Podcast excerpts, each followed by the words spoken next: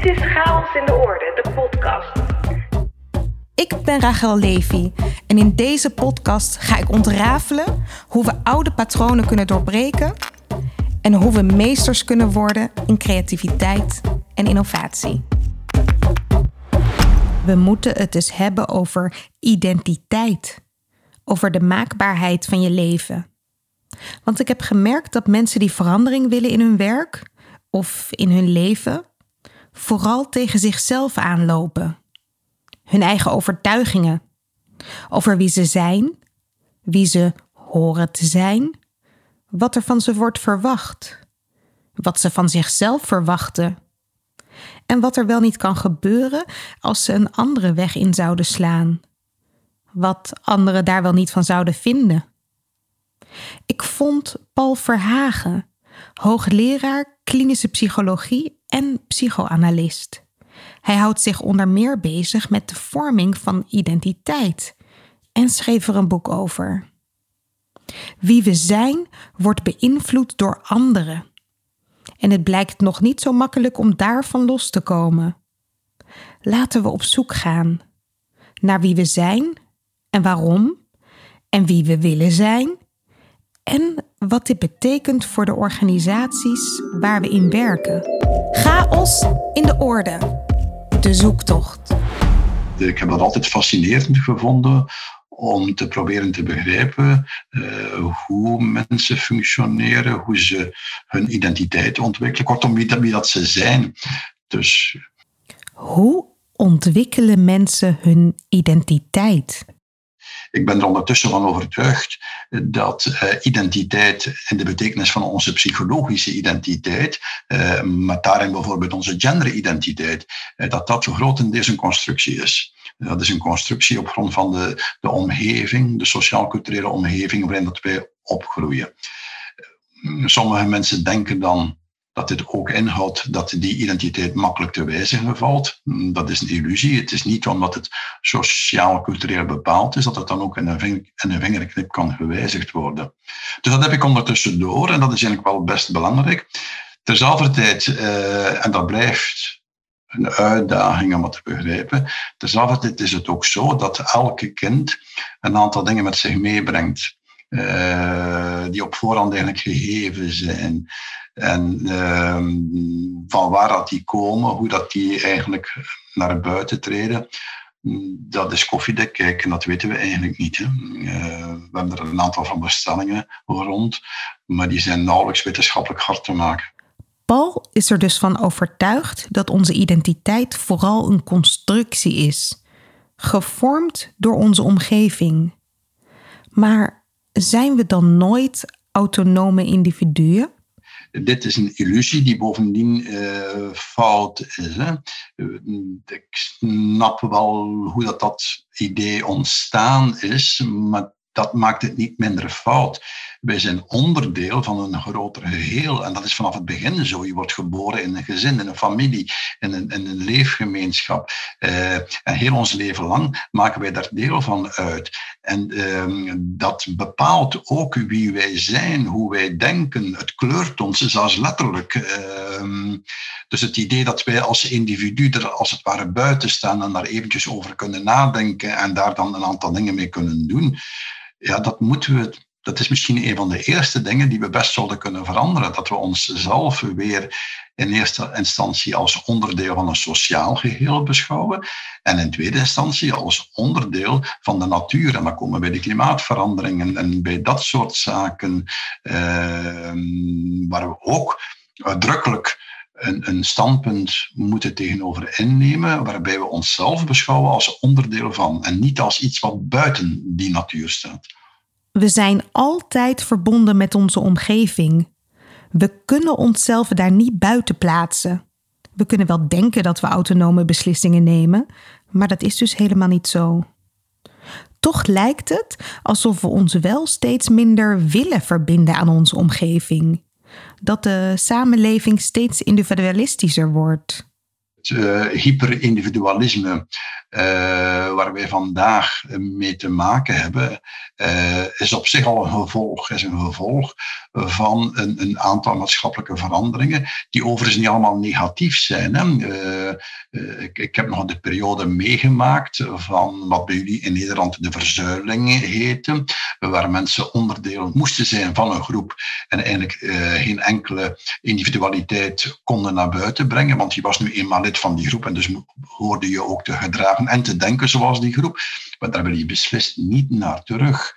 Dus de reactie daartegen was terecht. Maar nu bevinden we ons aan de andere kant eh, van een, een continuum, waar we bij wijze van spreken alleen nog maar individuen zijn en uh, ja, nog nauwelijks deel uitmaken van een groep. Dus je ziet oorzaak en gevolg en, en, dat loopt allemaal een beetje door elkaar. Maar het hyperindividualisme vandaag zorgt meer voor problemen dan voor oplossingen. Dat is vrij duidelijk. Het huidige individualisme is ontstaan als noodzaak om ons vrij te maken uit te beklemmende sociale structuren. En die toegenomen behoefte aan individualisme heeft ook invloed op onze identiteit, op hoeveel we ophangen aan de omgeving waar we in verkeren. Neem nu ons professionele leven. We identificeren ons vaak wel met onze baan, maar al veel minder dan vroeger. Onze professionele identiteit is ontzettend belangrijk geworden. De, de, de, grenzen tussen privé en beroep zijn hoe langer hoe dunner geworden en onze identiteit hangen we voor een flink stuk vast aan die professionele identiteit. Dat betekent dat de organisatie waarbinnen we werken dan ook ontzettend belangrijk geworden is. Tezelfdertijd zie ik toch dat mensen vandaag zich veel minder identificeren met de organisatie waarvoor ze werken dan vroeger. Uh, vroeger was dat veel meer het geval. Is dat beter of slechter? Daar ga ik me niet over uitlaten, uh, want dat kan beide richtingen uitgaan. Uh, maar die, het is, het is dubbel. Ehm, die professionele koppeling aan de organisatie is redelijk belangrijk, maar terzelfde nauwelijks nog persoonsgebonden. Want eens men voor een andere organisatie gaat werken, is men binnen de kortste keren ook lid van die andere organisatie, gaat men zich daaraan vastgechten. Een heel eenvoudig voorbeeld. Ik werk zelf aan de universiteit. Uh, ik heb de evolutie door meegemaakt, waarbij mensen zich oorspronkelijk heel sterk identificeerden met de universiteit, uh, waar ze zelf een opleiding gekregen hadden, waar ze dan eventueel ook een tewerkstelling uh, aan overhielden. dit is vandaag de dag weg. Mensen maken nu veel makkelijker een overstap van de ene organisatie naar de andere de binding met een organisatie wordt steeds oppervlakkiger. Toch hechten we nog wel veel waarde aan de ongeschreven regels in onze werkomgeving. Men zal zich heel snel conformeren aan de verwachtingen, aan eh, de regelgeving en aan de normen. En dan lijkt het dat men zich identificeert met die organisatie. Nu, identificatie ligt eigenlijk op een veel dieper niveau. Dat heeft te maken met een aantal normen en waarden. Dat heeft te maken met een buikgevoel, met emoties en affecten. Uh, en dat is vandaag de dag veel minder het geval. Dat, uh, die andere zaken liggen meer aan de oppervlakte en kunnen dus ook relatief snel wijzigen. Je bent niet meer waar je werkt. Je past je aan zolang je er werkt, maar doet dit net zo makkelijk in een nieuwe werkomgeving. Dat heeft ook te maken met het feit dat er heel veel organisaties uh, ja, niet veel normen en waarden meer uitstralen, behalve dan efficiëntie en, en, en productiviteit. En dat is overal hetzelfde. Dat, dat, dat is zo inwisselbaar dat je wat dat betreft eh, niet veel verschillen ziet. De identiteit die organisaties uitstralen is steeds meer inwisselbaar. De kernwaarden zijn zo algemeen dat je je daar in elk geval niet zo snel meer mee identificeert. Dat heeft voordelen, want je maakt je sneller los van een organisatie die in praktijk niet dezelfde waarden nastreeft een organisatie waarin discriminatie bijvoorbeeld openlijk getolereerd wordt, terwijl jij gelijkwaardigheid belangrijk vindt. Maar het gebrek aan identificatie heeft ook nadelen. Want je mist dat diepe gevoel van samen, van een collectief waar je echt bij hoort. En dat is biologisch gezien nog steeds heel belangrijk voor ons. Wij zijn sociale zoogdieren. We hebben de groep nodig en we hebben een, een, een groep nodig uh, in wie we uh, vertrouwen kunnen hebben, die een, een, veiligheid biedt. En als we dat niet hebben, dan worden we daar letterlijk ziek van. Dus samen is uh, altijd beter dan alleen. Dat is een algemene regel, omdat wij sociale zoogdieren zijn. Oké, je bent dus niet meer waar je werkt. Dat hebben de meeste mensen wel losgelaten. Maar veel mensen zijn nog wel wat ze doen. Die koppelen hun identiteit aan hun vak of beroep. We zeggen het zelfs letterlijk. Ik ben leraar. Ik ben beleidsmedewerker. Ik ben arts. Ik ben jurist. Ik ben econoom. Waarom is dat dan nog zo belangrijk voor ons? Dit zou wel eens te maken kunnen hebben met het feit dat onze identiteit pakweg de voorbije 30 jaar zeer vloeibaar geworden is. Hè? Uh, als je het vergelijkt met uh, nauwelijks twee generaties terug, twee generaties terug, lag uh, die invulling van identiteit, want die werd toen ook ingevuld, lag die eigenlijk vrij strak vast op voorhand. Je genderidentiteit lag vrij strak vast, je, je beroepsidentiteit lag vrij strak vast, vaak gekoppeld aan je sociale klasse en je afkomst. Dus uh, dat soort zaken werd eigenlijk vrij strikt gedefinieerd. Gelukkig zijn we daarvan afgestapt, uh, is het veel diverser geworden, zijn er veel meer mogelijkheden. Maar uh, ook dat heeft ondertussen een punt bereikt waardoor die, die uh, enorm toegenomen diversiteit voor heel veel mensen beangstigend geworden is. Van wie ben ik dan eigenlijk? Uh, waar kan ik mezelf aan vasthaken? Want ik heb toch ook enige vorm van zekerheid nodig. En dat verklaart volgens mij de, de, de opkomst van uh, het, het, categoriaal denken, het labeldenken, de etiketjes, uh, zowel op beroepsmatig vlak, ik ben dit, als bijvoorbeeld binnen de psychiatrie, uh, waar mensen zich gaan identificeren met, met een, een label. Um, dus het is op het eerste zicht heel vreemd.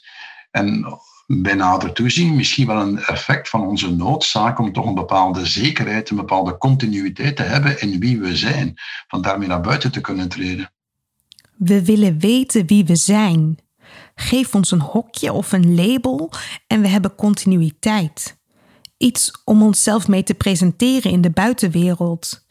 In een wereld die steeds maakbaarder lijkt, zoeken we dus bij voorkeur toch naar een vaste identiteit. Toch zijn er mensen die wel zoeken naar de vloeibaarheid van identiteit. Neem nu het voorbeeld van genderidentiteit. Um, 30 jaar geleden heel star. Dit is een man, dit is een vrouw. Uh, vandaag heel open met als resultaat dat een aantal mensen daar vrij goed mee kan omgaan. Uh, en dat een aantal andere mensen uh, plots gaat terugvallen op heel archaïsche beelden. Uh, ja, dit heeft eigenlijk te maken met de manier waarop een individu omgaat met angst en onzekerheid. Ik zou denken dat jonge mensen veel sneller bereid zijn om een vloeibare identiteit aan te nemen en om zich steeds minder snel te conformeren aan geldende normen dan een oudere generatie. Maar Paul ziet grappig genoeg in zijn eigen academische omgeving iets anders. Dat is dat mensen die een stuk jonger zijn dan ik, zich veel sneller gaan conformeren aan een aantal uh, verwachtingen, een aantal regels en normen en dingen. Vaak tegen hun zin, maar toch doen ze het. Uh, en ik vraag me altijd af waarom, want eh, als je het niet doet, dan uh, volgt er niet per definitie een sanctie of weet ik veel wat. En we hebben veel meer vrijheidsgraden uh, dan dat sommigen wel denken. Dus je, je kan dat, je kan, wij kunnen veel verder, dat is toch tenminste mijn indruk, we kunnen ons veel meer vrijheden permitteren binnen het, het kader van onze organisatie dan vaak wel gedacht wordt. Ik zie ook dat uh, heel veel mensen zich bij wijze van spreken gaan overidentificeren met die regels en die normen, waardoor het dan nog een stuk erger wordt, in plaats van het omgekeerde te gaan doen. En ik snap niet goed wat dat komt, dat, ik begrijp dat niet goed. Uh, goed, laten we dan nu even aannemen dat we werken in een organisatie die inderdaad heel strikt is en die heel weinig vrijheid toelaat. Ja, dan heb je maar twee mogelijkheden. Hè. Uh, ofwel conformeer je daarin en, en doe je een aantal dingen daarbuiten. Want ja, we hebben toch ook wel in het beste geval, mag ik hopen, een identiteit daarbuiten. Uh, ofwel stap je uit die organisatie. Als dat echt niet uh, iets is wat je zelf wil hebben. Als je wordt gedwongen je te conformeren, heb je twee smaken: blijven of weggaan. Maar Paul benoemt iets opmerkelijks. Wat nu als je helemaal niet gedwongen wordt je te conformeren? Je wilt het zelfs niet eens, maar je doet het toch. Hoe kan dat? Ja, Paul kan alleen een vermoeden uitspreken over zijn waarneming dat het in zijn organisatie vooral jonge mensen zijn die hier vatbaar voor zijn. Misschien is de makkelijkste verklaring dat ik tot de generatie behoor die eigenlijk nog, die nog uit die verzuilde maatschappij komt, waar wij heel sterk moesten luisteren en gehoorzamen. En daar zijn we in een collectief tegen een opstand gekomen. Uh, en dan hebben we het zelf moeten uitzoeken hè, gedurende 10, 15 jaar. En dat waren heel boeiende jaren uh, met veel vallen en opstaan. Maar die generatie heeft zich daar wel gevormd. Uh, en dat blijf je met je meedragen. En um, een tweede verklaring zou kunnen zijn dat voor de, jongere generatie er nu een grotere onzekerheid is, een grotere onveiligheid. En dus gaan ze zich dan sneller gaan conformeren met uh, een aantal van die verwachtingen. Meer vrijheid is dus niet altijd positief. Het kan ook meer onzekerheid betekenen. En zelfs een gevoel van onveiligheid, waardoor je je vastklampt aan regels. Of je het nu eens bent met die regels of niet.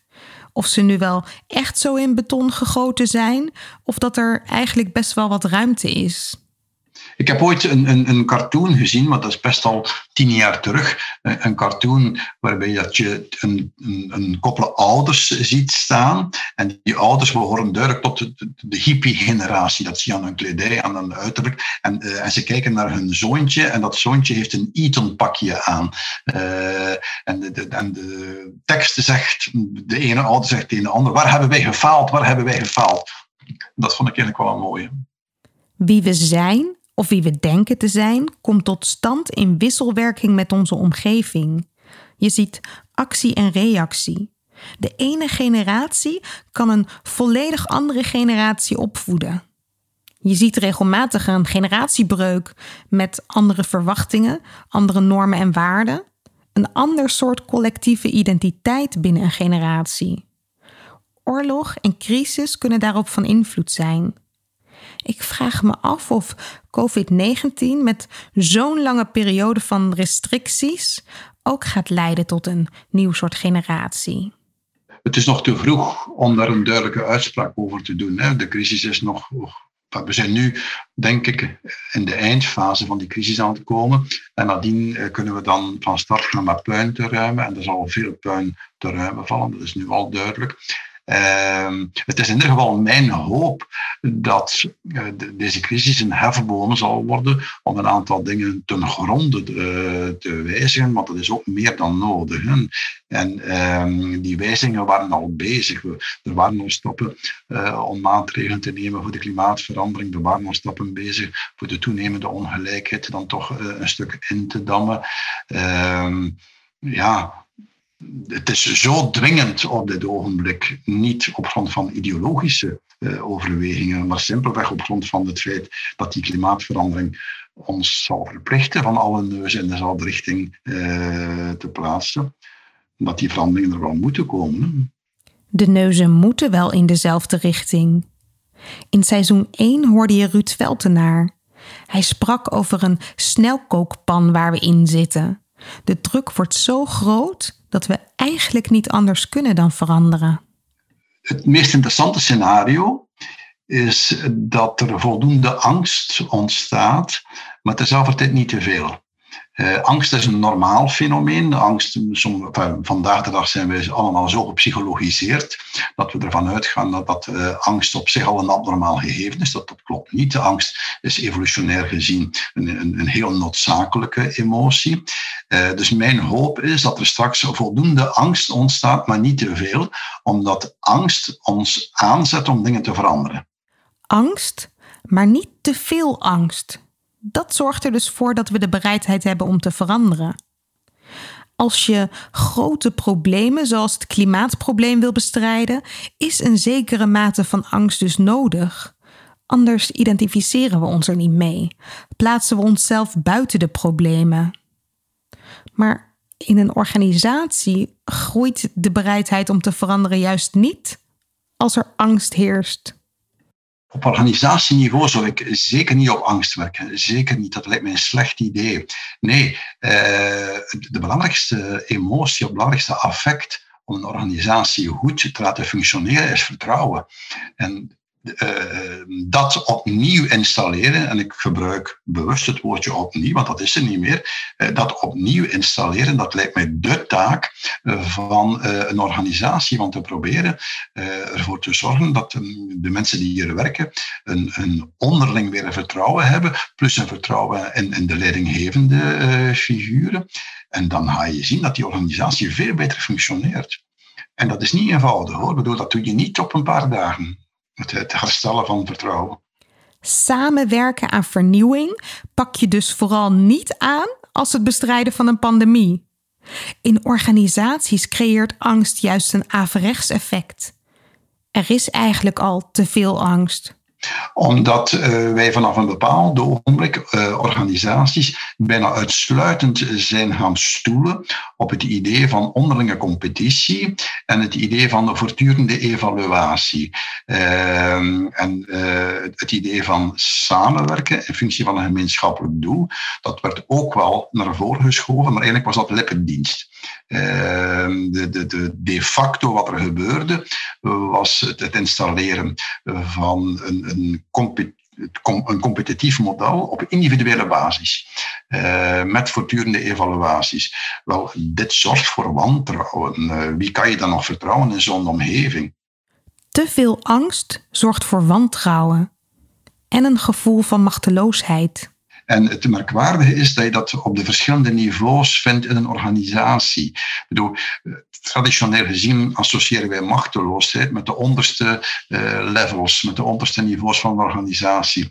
Terwijl dat is ondertussen al lang niet meer het geval. Die machteloosheid vind je tot op het hoogste niveau, omdat uh, heel dat systeem van wantrouwen en competitie zorgt er eigenlijk voor dat niemand nog een soort zekerheid heeft. En dat, uh, dat er voortdurend iets uit de lucht kan komen vallen, waardoor men uh, zijn positie dreigt te verliezen. Machteloosheid is binnengedrongen in organisaties via het optimaliseren van efficiency en het afrekenen op resultaten, waardoor mensen op alle niveaus in de organisatie bevriezen en zich vastklampen aan hun huidige manier van werken in plaats van de bereidheid ervaren om een nieuwe aanpak uit te proberen. Toch is er verandering zichtbaar. Positieve verandering. Ja, dat heeft dan te maken met de manier waarop uh, autoriteit georganiseerd wordt. En uh, op dat vlak maken we historisch gezien een, een, ontzettend belangrijke transitie door. En ik gebruik het woordje historisch hier echt wel met recht en reden, want dat is een, een, een proces dat al pakweg vier, vijf eeuwen bezig is. En wij komen uit een, een traditie van een, een top-down autoriteit, die dan ook heel vaak nog patriarchaal was. En daar kan je wel iets bij voorstellen, dat is de piramide met, met bovenaan de alfameel, die dan alles gaat gaan bepalen, naar de echelons eh, noem maar op. Eh, en de evolutie die we doorgemaakt hebben, is een evolutie naar uh, een hiërarchie die veel meer horizontaal georganiseerd wordt. Dit is niet het wegvallen van een hiërarchie, dit is een andere organisatie van hiërarchie. Uh, want dit is wel van belang om even te onderstrepen. Het is niet zo dat we dus autoriteit gaan afvoeren. Nee, het is een andere organisatievorm van autoriteit. En dit veronderstelt ook andere leiders. Niet meer een leider die bovenaan staat, maar dan spreken we over coachend leiderschap, over horizontaal leiderschap. En dit vindt nu gelukkig meer en meer ingang. In sommige organisaties verandert de structuur en daarmee de hiërarchie en het gedrag van medewerkers. Voor het collectieve vertrouwen, maar ook voor het zelfvertrouwen in organisaties is dit goed nieuws. Vanuit vertrouwen durf je sneller een voorstel te doen, iets uit te proberen zonder dat je bang hoeft te zijn dat je erop afgerekend wordt. En er kan een cultuur ontstaan waarin innovatie tot stand komt. Maar er zijn nog genoeg organisaties die vastzitten in het oude systeem. Dat haar logheid voor een groot deel te danken heeft aan de top-down inrichting van de hiërarchie. En het is niet zo eenvoudig om binnen een logge organisatie, om die nieuwe vorm van uh, gezagvoering, want daar komt het uiteindelijk op neer, om die nieuwe vorm van het voeren van het gezag daarin te introduceren. Een nieuw systeem introduceren zou veel organisaties ten goede komen. Maar ja, naast de hiërarchische structuur is er nog zo'n hardnekkig struikelblok. Ons collectieve geheugen.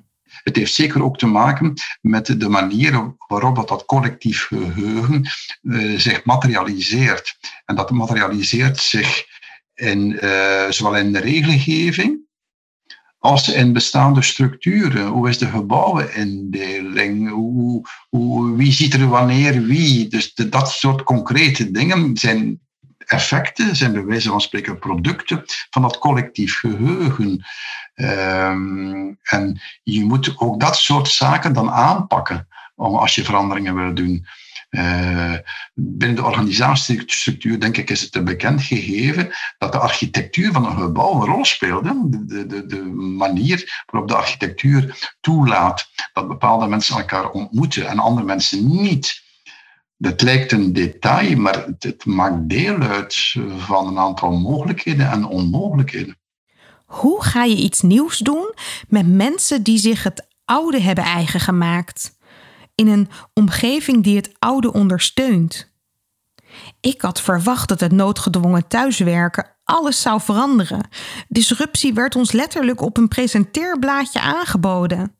Maar toch hoor en zie ik dat veel teams hun oude werkwijze alleen maar hebben verplaatst naar een online platform. Verder doen ze nog steeds hetzelfde. Paul vindt dat logisch. Juist omdat het collectieve geheugen hier zo sterk aanwezig is. Dat botst met de zo plotseling nieuwe mogelijkheden. Ik denk dat het van belang is dat men, en dan moeten we natuurlijk kijken naar een heel concrete organisatie. We kunnen dat niet veralgemenen. Dat je binnen een concrete organisatie moet gaan kijken waar een aantal belemmerende factoren zitten. En proberen daaraan eh, een aantal dingen te wijzigen. En tezelfde tijd, als je een aantal belemmerende factoren wegneemt, eh, ook kijken van welke nieuwe dingen kunnen we daarin voegen. En het lijkt mij dat een verandering beter op die manier plaatsgrijpt. Dat je dat uh, ja, geleidelijk invoert. Je hebt er toch wel best wat tijd voor nodig hoor. Dat doe je niet op drie weken. Alleen de omgeving waarin mensen werken veranderen blijkt dus niet genoeg om daadwerkelijk te veranderen. Maar hier speelt ook de top-down aanpak een rol. Mensen hebben eigenlijk weinig kans gekregen om mee te praten. De verandering werd doorgevoerd, het nieuwe platform bepaald en ja, vervolgens moesten mensen zich voegen. Gezien de situatie natuurlijk logisch. Maar in een situatie zonder crisis zou je het nooit zo moeten aanpakken. Er is eigenlijk een, een heel eenvoudig antwoord op, en het, het blijft me verwonderen dat dat zo weinig gebruikt wordt. Dat is dat je de mensen zelf moet betrekken bij de verandering. En, en, en, ja, om een of andere vreemde reden gebeurt dat veel te weinig. Uh, ik ga een voorbeeld geven, en dan weer uit mijn eigen wereld, omdat ik die het best ken. Een van de taken die wij als hoogleraar hebben, is het begeleiden van promotieonderzoek. Die heet dat promotieonderzoek, bij ons is dat doctoraatsonderzoek. Uh, tot x aantal jaar geleden liep dat eigenlijk niet zo best, omdat die structuren waren verouderd. Uh, dat beantwoordde niet meer aan de moderne verwachtingen rond onderzoek, noem maar op. En iedereen wist dat er iets moest aan veranderen.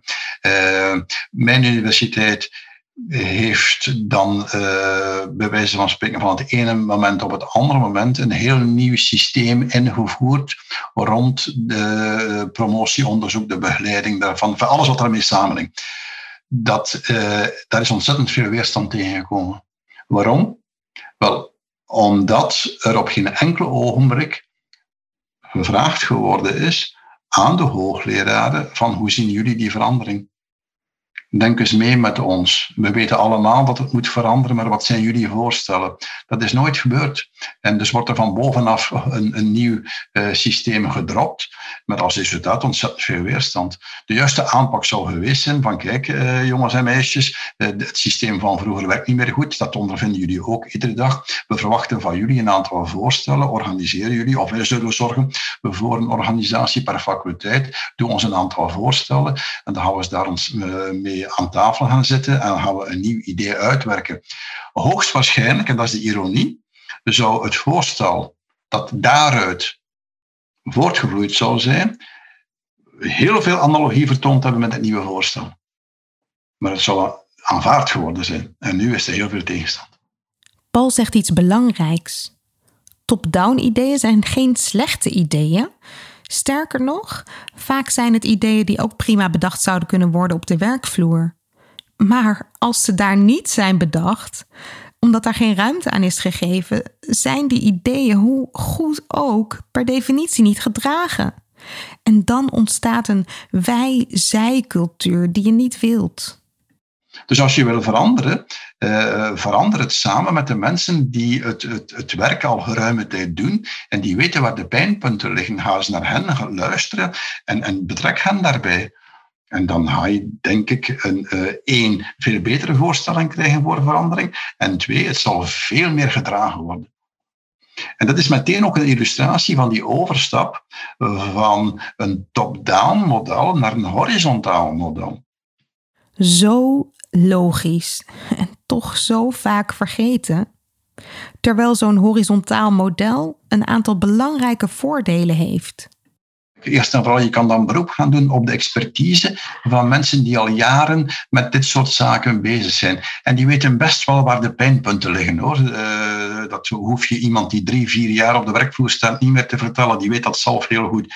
En uh, twee, uh, door het feit dat je hen aanspreekt, doe je beroep op autonomie. wat mensen ontzettend appreciëren. En drie, er zal iets ontstaan van zelforganisatie. dus het zal niet beperkt blijven tot het individu. Want er zal over gepraat worden tussen collega's eh, en, en je krijgt daar een belangrijk onderdeel of een belangrijk aspect van zelforganisatie. Dus dat zijn al drie ontzettend belangrijke gegevens die, daar, eh, die daardoor geactiveerd worden. Als deze principes geactiveerd worden, groeit vanzelf het vertrouwen. Het is heel verklaarbaar dat we, hoe logisch de principes die Paul noemt ook zijn, in veel organisaties nog steeds zo werken. Hij plaatst het even in historisch perspectief. Eén mogelijke oorzaak is dat wij, en daarmee bedoel ik eigenlijk West-Europa, vanaf een bepaald ogenblik het Anglo-Saxisch, en dat is dan in deze materie het, het Amerikaans model overgenomen hebben. En dat Amerikaanse model is command and control. Dat is tot vandaag de dag binnen de Amerikaanse bedrijfswereld uh, de hangbare manier van werken. Uh, nu, dit is voorbijgestreefd. En uh, command and control in uh, West-Europa zal door een merendeel van opgeleide mensen niet meer aanvaard worden. Dus dat staat dan haaks, dat schiet uh, naast elkaar. Terwijl in Amerika, in de Amerikaanse grote bedrijven, is dit nog altijd de regel. Command and control. In Nederland een systeem dat achterhaald lijkt. Hoezeer organisaties ook worstelen met het introduceren van een nieuwe manier van werken, het is duidelijk dat er geen andere optie is. Want de bereidheid van medewerkers om in zo'n starre top-down omgeving te werken neemt af. We willen werken in een organisatie die vertrouwen in ons heeft al naar gelang je vertrouwen krijgt van je omgeving, zal je ook vertrouwen krijgen in jezelf. En wat je ook ziet binnen die horizontale organisatie, is dat het veel minder erg is van fouten te maken en te mislukken. Als je een fout maakt in een uh, top-down organisatie, dan is het risico vrij groot dat je een niveau naar beneden dondert. Uh, binnen een horizontale organisatie, als iemand een fout maakt, dan is het bijna altijd zo dat de man of de vrouw die naast hem staat even overneemt. En dit is veel minder uh, ingrijpend. Uh, dus dat vertrouwen neemt daardoor ook toe. Want je mag een fout maken. Uh, dat is niet dodelijk. Dat heeft niet dezelfde consequenties als in die archaïsche organisaties. Terug naar de relatie met identiteit. Je identiteit bestaat uit allerlei aspecten. Je bent kind, je bent misschien zelf ouder van een kind. Maar de kans is groot dat je je ook identificeert met wat je doet in je werk. Sterker nog, in het tijdperk waarin we nu leven, maakt je werk misschien nog steeds wel het grootste deel van je identiteit uit. En dat betekent dat werk een belangrijk aandeel heeft in je kwaliteit van leven. Als jij in een angstcultuur werkt, heeft dat grote invloed op je welzijn. Maar als je in een organisatie werkt die jou vertrouwen geeft en zelfvertrouwen, heeft dat ook enorme impact. Dus als onze uh, intermenselijke verhoudingen op de werkvloer een andere richting uitgaan, uh, dan zou het mij toch heel sterk verwonderen mocht dat geen effect hebben op onze intermenselijke verhouding buiten de werkvloer. Hoe we werken en hoe we samenwerken heeft invloed op al het andere. Het is belangrijk dat we daar prioriteit aan geven. Dat we nu al beginnen met dingen anders doen. En er zijn sectoren waarin dat nog urgenter is. Kijk, ik heb het daar straks gehad over de historische transitie op het vlak van de autoriteiten. In essentie een, een verandering van een patriarchale top-down autoriteit naar een horizontale netwerkautoriteit. Wel, uh, een van de sectoren waar dit zonder de minste twijfel het meest nodig is en het minst gebeurt, dat is het onderwijs. Het, het onderwijs wordt op een of andere manier nog altijd gedacht vanuit dat uh, meer patriarchale top-down model. Uh, en dat werkt niet meer. En dan gaat men het compleet loslaten. Uh, maar er komt niks nieuws in de plaats. En dan krijg je wat uh, in Nederland zo mooi benoemd geworden is als de handelingsverlegenheid van de docent, die niet meer goed weet wat hij of zij moet doen. Wel, het wordt echt dringend tijd dat we nadenken over de manier waarop wij eh, kinderen tussen pakweg 6 en 12, die, die cruciale leeftijdsperiode, hoe dat wij hen onderwijs gaan bieden. En het, het, het systeem van twee generaties terug, waarbij 25 kindertjes in de klas zitten en moeten luisteren naar de juf of de onderwijzer die van voor staat, dit is voorbij. Uh, en dat weten we allemaal. Maar tezelfde tijd hebben we geen volwaardig alternatief. Want dan is het idee van laat, ze maar doen. Ze zullen het wel zelf vinden. En, dan krijg je de, de, de, ja, ook een, heel fout model dat, dat niet werkzaam is. Dus daarover moet nagedacht worden en dat zou best wel eh, ook heel concreet moeten gebeuren.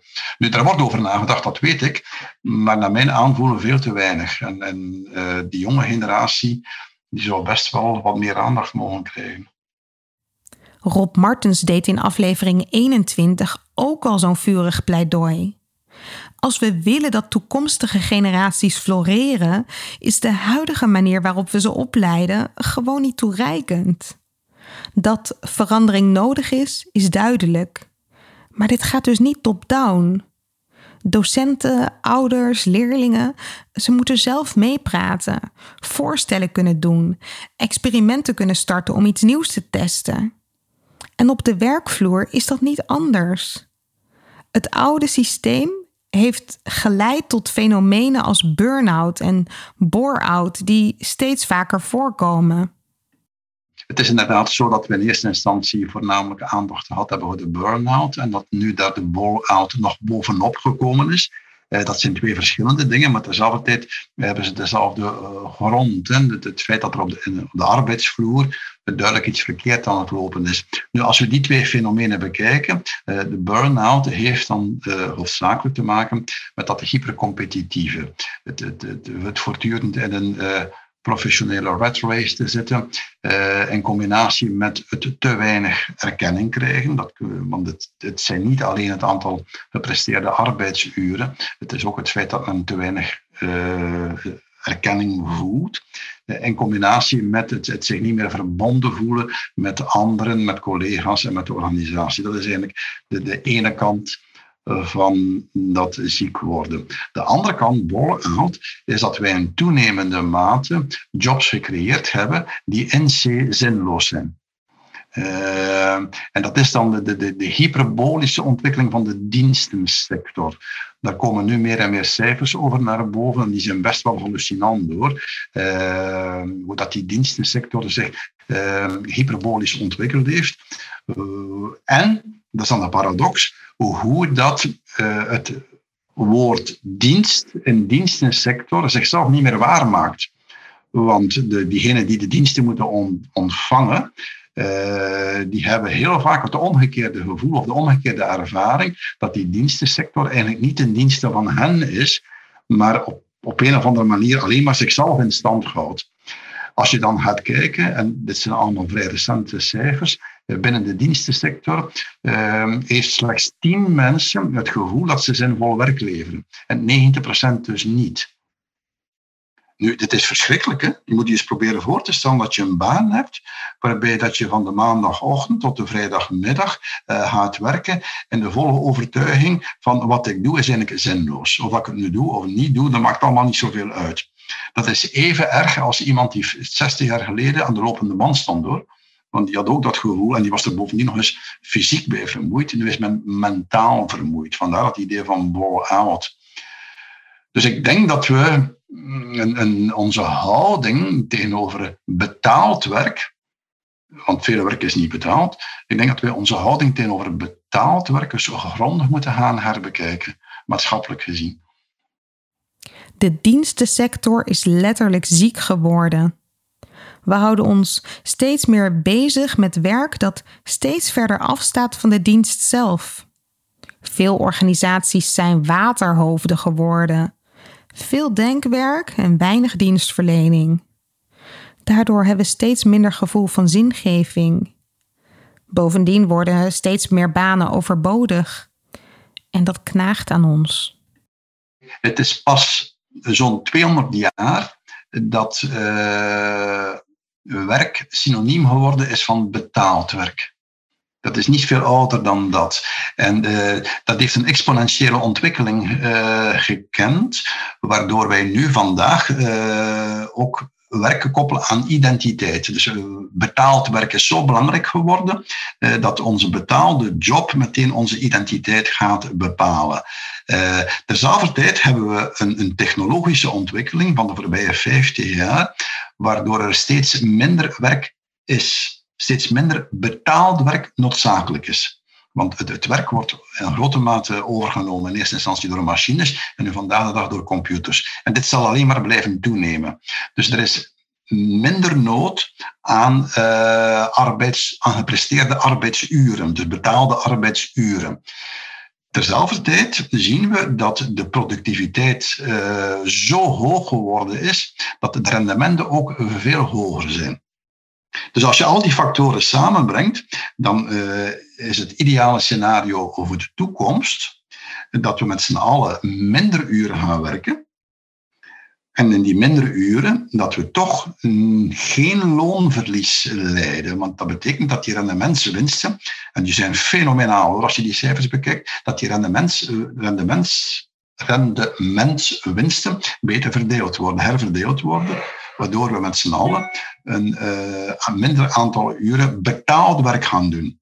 En daarbuiten gaan we ook blijven werken hoor, maar dat heeft dan te maken met werk dat niet betaald wordt in de sectoren die we zelf belangrijk vinden. Daar kun je dan zelf over gaan kiezen. Hoe komen we los van zo'n systeem? Hoe ontidentificeren we ons zodanig met ons werk dat we bereid zijn onszelf weg te bezuinigen uit het huidige systeem? Dat we ten koste van onze huidige baan ruimte maken voor iets anders. De paradox zal bovendien zijn dat we ons in dat scenario waarschijnlijk zelfs beter uh, zullen identificeren met ons werk met onze baan dan vandaag. Waarom? Omdat het werk dat we dan zullen doen, zal veel zinvoller zijn. Maar het zal maar een onderdeel vormen van wie we zijn. Maar het zal zinvoller zijn, uh, want als je die cijfers bekijkt, ik heb het straks gegeven, 10% van de mensen in de dienstensector. Dat is best wel dramatisch hoor. Dat is best wel dramatisch. Dat kun je wel zeggen. En dat het gaat veranderen lijkt onvermijdelijk. Maar dat het tijd kost ook. Want dit systeem is ook beetje bij beetje zo gegroeid. En er zitten ook positieve kanten aan. Niets is alleen maar negatief of alleen maar positief. Uh, uh, waar we het nog niet over gehad hebben, is het feit dat wij de laatste 30, 40 jaar een enorme sociale mobiliteit meegemaakt hebben door het opengooien van het onderwijs en, en en het kielzog daarvan, het ook kunnen doorstromen op professioneel vlak. En uh, dat maakt ook deel uit van die maakbaarheid van onze identiteit. Dus dat zijn positieve kanten. Uh, dus die, die veranderingen, waar we nu mee, die noodzakelijke veranderingen, uh, hebben dan te maken met de, de negatieve kanten van die evolutie. Nu, dat zal tijd vragen. Als je ziet dat die gewijzigde houding tegenover betaalde werk. Nou, als je dat op heel korte, de kortste periode dat kunt beschouwen, dat is toch 100 jaar. Dat is iets wat eh, van start gegaan is met de industriële revolutie. Uh, dus pakweg eind 19e eeuw. En is dan heel snel doorgegaan naar het punt wat we ons vandaag de dag bevinden. Nu, het zal geen 100 jaar duren om dat te veranderen, omdat alles nu eenmaal veel sneller gaat. Hè, door de digitalisering zullen er de komende 20, 30 jaar nog heel veel banen verdwijnen. Uh, en dan, kunnen we, dan moeten we kiezen wat we doen. Gaan we nog meer mensen bullshit jobs geven, want daar komt het uiteindelijk op neer. Of gaan we de rendementswinsten uh, gaan herverdelen, waardoor meer mensen kunnen werken, maar een korter aantal uren. Om maar een voorbeeld te geven, er is hier bij ons in Vlaanderen een organisatie uitsluitend van en door vrouwen. Die luistert dan naar de naam FEMA. Uh, en die hebben uh, anderhalf jaar geleden het besluit genomen dat iedereen die bij hen werkte uh, naar een 30 uur werkweek gaat. Met behoud van loon. En ze hebben dat gedurende een jaar gevolgd. Daar is dan ook een wetenschappelijk onderzoek aan gekoppeld geworden om te kijken wat de resultaten daarvan zijn. En die zijn bijna uitsluitend positief. Er wordt nog altijd ongeveer evenveel werk verzet. De arbeidstevredenheid is veel groter. Er is veel minder ziekteverzuim, noem maar op. Uh, dus dat is een, een voorbeeld van hoe we in die richting kunnen denken. Chaos in de orde. De zoektocht. De tanker moet worden gekeerd, zei Paul nog. Maatschappelijk, in organisaties en in onszelf. We worden als het ware uitgenodigd om oude denkpatronen los te laten. Wat natuurlijk het aller, aller, aller, aller, aller, aller, aller, is. Zeker daar waar we ons denken hebben gekoppeld aan onze identiteit. Dat wat we gewend zijn te doen, verwarren met wie we zijn. Waarbij we niet doorhebben hoezeer onze identiteit is beïnvloed door onze omgeving. De omgeving waarin we zijn opgegroeid, de omgeving waarin we zijn opgeleid, de omgeving waarin we nu werken. De uitdagingen in deze tijd vragen van ons dat we voorbij onszelf leren denken, voorbij onze eigen belangen, voorbij onze huidige overtuigingen, voorbij onze huidige angst en voorbij onze zogenaamde identiteit. Individueel, maar zeker ook collectief, want organisaties moeten ook keren. De maatschappij moet keren. En als ik Paul beluister, vraag ik me af: voeren we in organisaties wel de goede gesprekken? Worden er niet veel te makkelijk vacatures opgesteld voor werk dat eigenlijk afleidt? Vacatures die eerder het systeem logger maken dan de dienstverlening beter? Lopen er niet veel te veel beleidsmedewerkers rond, terwijl er te weinig leraren zijn die het onderwijs helpen vernieuwen? Kiezen we niet te veel voor collega's die op ons lijken, omdat we ons daarmee identificeren? Waardoor we veel te veel mensen om ons heen hebben met dezelfde visie en dus dezelfde blinde vlek. Doen we zelf wel genoeg voor een betere wereld? Zo'n goed gesprek vraagt natuurlijk wel om een veilige omgeving. Een cultuur van vertrouwen. Misschien is het een idee om deze aflevering aan je collega's door te sturen en dan samen tijdens een lunchmeeting het gesprek te voeren. Zijn wij al een organisatie van vertrouwen? Waar houden we nog te veel vast aan het oude systeem? Welke vragen voor de toekomst zouden ons nu bezig moeten houden? Welke dingen doen we nu die eigenlijk afleiden van die vragen?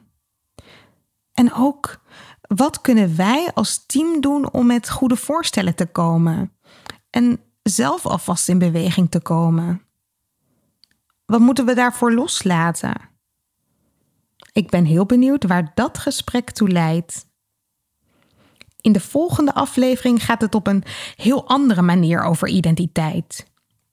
Dan spreek ik Patrick Kikke, bekend geworden als radio-dj op nationale zenders.